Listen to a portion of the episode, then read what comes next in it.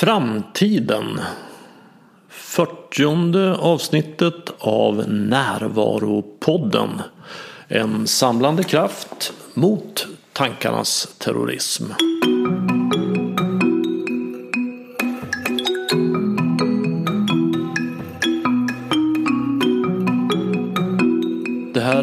Bengt Renander och idag ger jag dig femte kapitlet av min senaste bok Handbok i närvaro.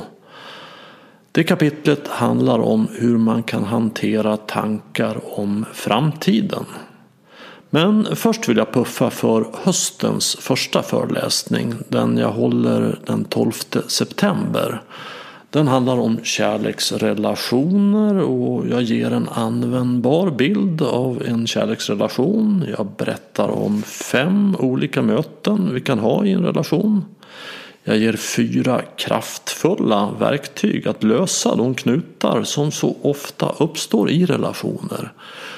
Och jag öppnar också en dörr till mer lekfull passion och kärleksfull attraktion i relationen. Anmäl er eller dig via länken som finns under rubriken föreläsningar på min hemsida renander.nu. Och vänta inte för länge. Alla föreläsningar hittills har varit fullbokade.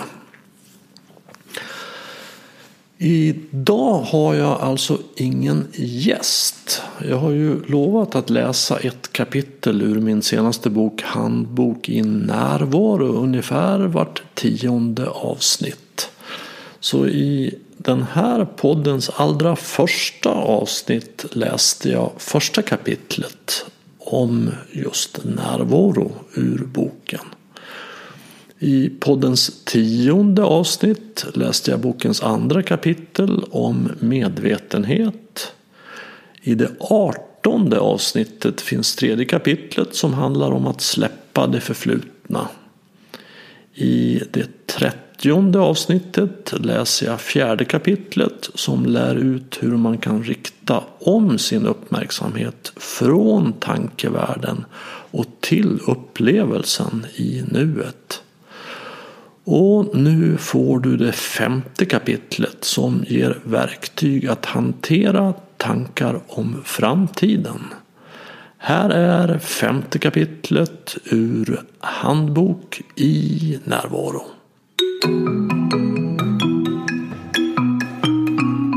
Släpp taget. Misery is almost always the result of thinking. Joseph Joubert Förmodligen är tankar om framtiden den vanligaste närvarotjuven.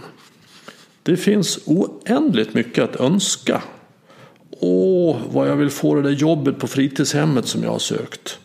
Jag ser fram emot att arbetsdagen tar slut så att jag kan spela badminton. Det finns också oändligt med saker att vara rädd för i framtiden. Tänk om det här födelsemärket visar sig vara en elakartad cancer. Om jag gör bort mig på mötet på fredag så får jag nog sparken. Många människor tillbringar huvuddelen av sin dag i planering för något de vill ska hända och oro för vad som kan gå fel. När man ser in i ögonen på någon av dem så ser man att det inte är någon hemma där just nu. Hon är i sin tankevärld i rädsla och begär gällande framtiden. Anthony DeMello skriver En neurotiker är en person som oroar sig för något som inte hände i det förflutna. Han är inte som oss vanliga människor som oroar oss för det som inte kommer att hända i framtiden. Att vara närvarande är att leva i verkligheten. Och hur kommer det att gå i framtiden? I verkligheten? Ja, jag vet inte. Det enda vi kan säga om framtiden med säkerhet är att vi inte har en aning om hur det kommer att bli. Det är inget fel med att planera. Tvärtom, det är både bra och nödvändigt. Det går utmärkt att vara närvarande och planera. När du planerar så planerar du när du är ute på internet och letar efter hyrstuga till semestern så gör du det med din fulla uppmärksamhet. När du är klar så går du kanske och äter. Då äter du. En lärjunge frågade sin scenmästare Varför mediterar vi så mycket? För att äta och sova, svarade mästaren strängt. Efter en stund tog lärjungen mod till sig och frågade igen men äta och sova, gör inte alla det? Jo, men det är få som äter när de äter och sover när de sover, svarade mästaren. Paddla medströms. När du släpper taget planerar du som vanligt. Du släpper taget om utfallet av din planering. När du har hittat en hyrstuga som verkar bra bokar du den och släpper sedan taget.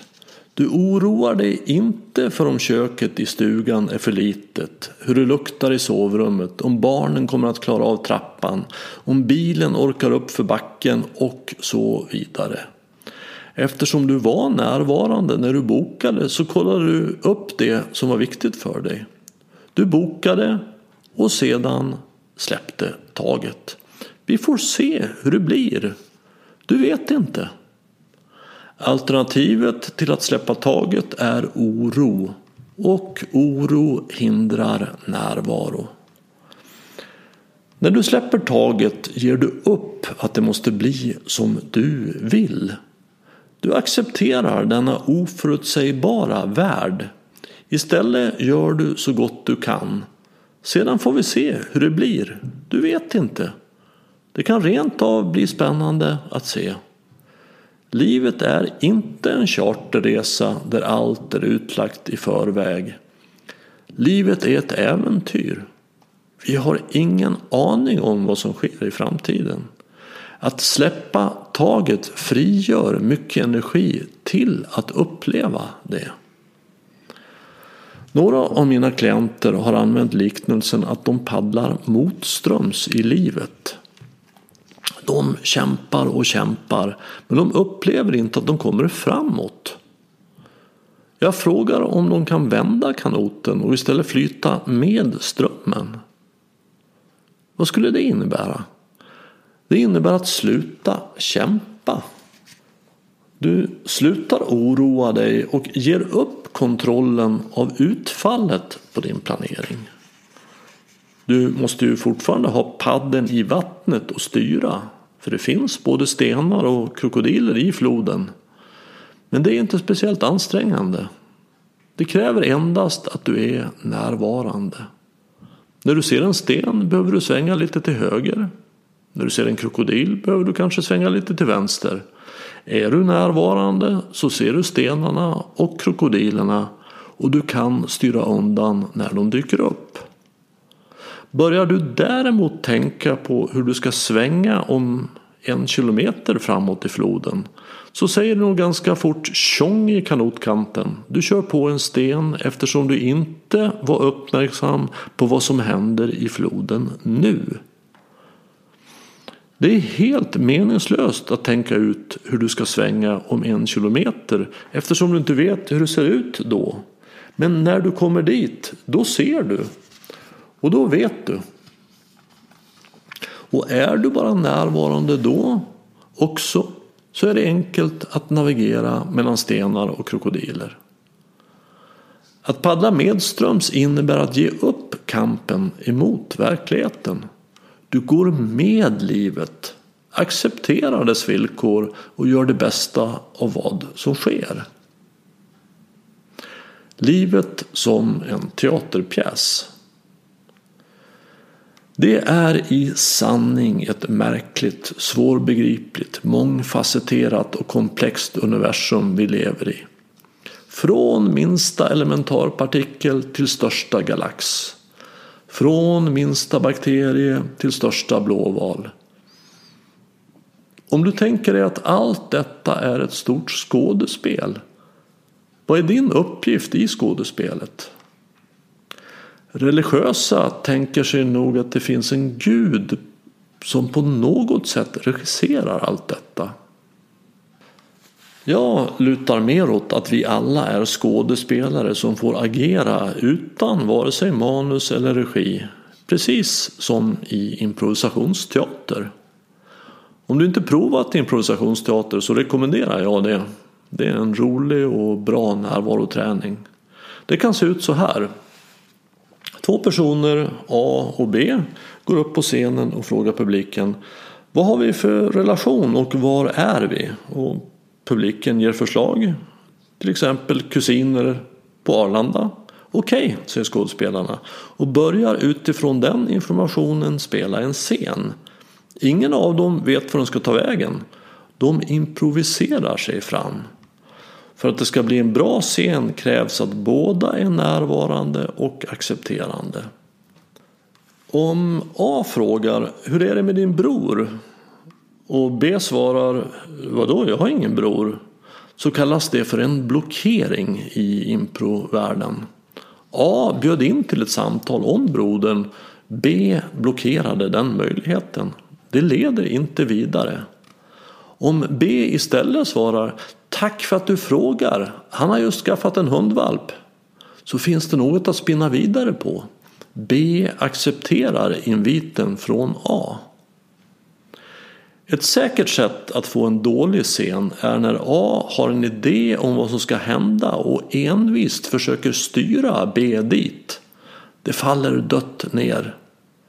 När ingen vet riktigt var scenen ska ta vägen blir det ofta levande och intressant. Genom skådespelarnas närvaro och acceptans växer scenen gradvis fram och utvecklas av sig själv. Scenerna blir som små konstverk. Det här är bra att tillämpa också i livet utanför improscenen. Jag är inte regissören här i universum. Det är inte min uppgift att ge andra repliker, bestämma vad de ska göra, vad de ska ha på sig. Jag är inte heller manusförfattare. Om jag nu vore det, det vill säga någon sorts gud, så skulle jag ju skrivit manuset annorlunda. Men jag har inte en guds utbildning eller kompetens. Och inte heller den uppgiften. Jag är en skådespelare bland oss andra skådespelare. Jag får improvisera mig fram vartefter scenerna förändras och motspelarna växlar. Det blir levande. Om jag är i motstånd och blockerar så blir det en kamp. Om du är närvarande och accepterande så medverkar du i detta fantastiska och märkliga skådespel på ett optimalt sätt. Samtidigt som du interagerar med andra har du roligt och bidrar dessutom till att denna värld blir något lite bättre. Du gör helt enkelt vad du kan med det som finns. Improvisationsteater är en bra träning i att släppa taget. I grunden är det ingen skillnad mellan det som sker på en improscen och det som sker utanför livet. Livet är också en bra träning i att släppa taget, att släppa manus och regiambitionerna och istället vara den du sant är i samklang och samarbete med andra. Den sydindiska apfällan att släppa taget kan också innebära att släppa något du verkligen åtrår. Rädslor och begär är de främsta närvarotjuvarna. Dina begär kan hålla dig hårt fast i tankevärlden och när du släpper dem blir du fri att vara närvarande istället. I Indien fångas apor med hjälp av deras begär efter mat. På samma sätt är en vanlig råttfälla konstruerad. Men den sydindiska apfällan är speciellt intressant. Den består av en urholkad kokosnöt som sitter fast med en kedja i marken. Kokosnöten har en öppning som är precis så stor att apan får in handen med öppen handflata men inte ut med knuten hand. I den urholkade kokosnöten ligger lite kokt ris. Apan känner doften av maten, går fram till kokosnöten, ser riset, stoppar in handen, greppar om riset men får inte ut handen knuten kring riset. Och sedan kommer jägarna och helt enkelt plockar upp apan. Den sitter fast i kokosnöten. Rent fysiskt är det ju möjligt att öppna handen, släppa taget om riset och fly in i djungeln. Men det gör den inte. Den sitter fast i sin idé om att riset är viktigt för den. Hela djungeln är fylld av mat. Men apan håller hårt i just de riskorn som den har fått tag i. Man kan tycka att det är en korkad apa. Men vi människor är likadana. Vi håller så hårt fast i våra tankar och idéer, våra rädslor och begär. Allt du vill ska hända i framtiden är sådant. Allt du är rädd för ska hända i framtiden är sådant. En omedveten person blir fångad i sina rädslor och begär och vägrar släppa taget. Trots att det leder till hennes undergång. Att skapa lidande utan att själv inse det, det är själva kärnan i att leva omedvetet, skrev Eckart Tolle. Fånge i tankevärlden. Många människor är näst intill besatta av sina tankar. De är knappt intresserade av någonting annat.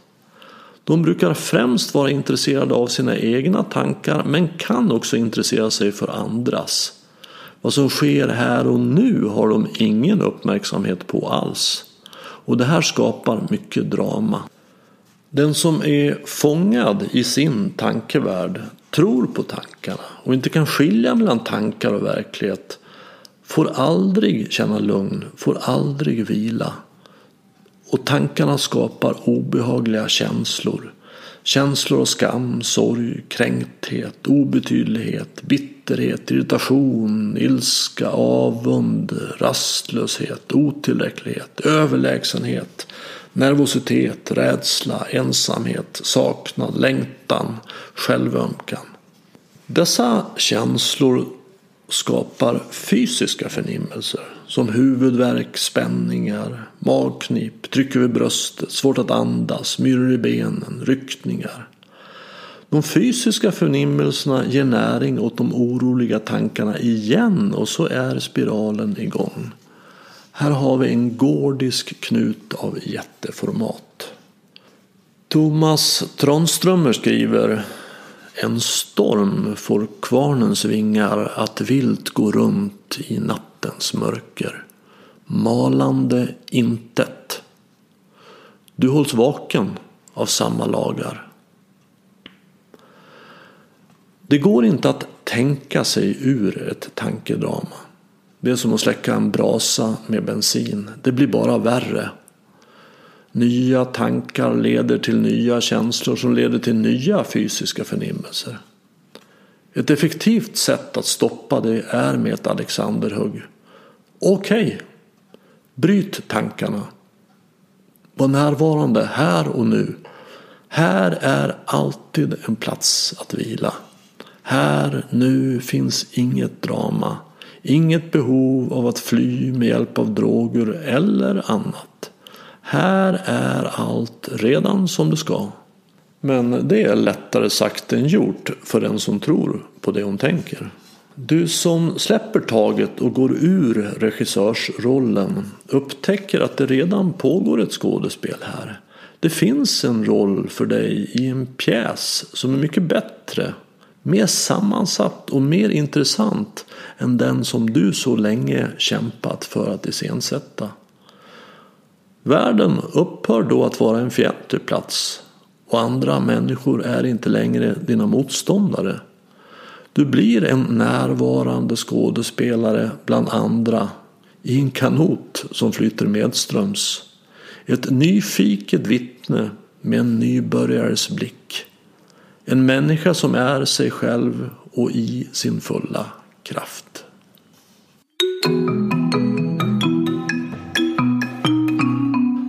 Om du vill ha ett eget exemplar av boken eller ha den som e-bok så finns den att köpa under fliken böcker på min hemsida renander.nu.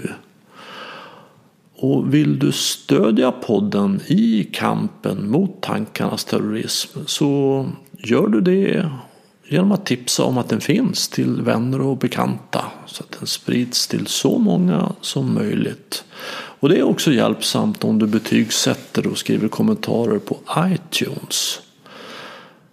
För det är ju så att desto fler vi är som är vakna i verkligheten ju mer kraftfullt kan vi förändra den på riktigt. Och det behövs.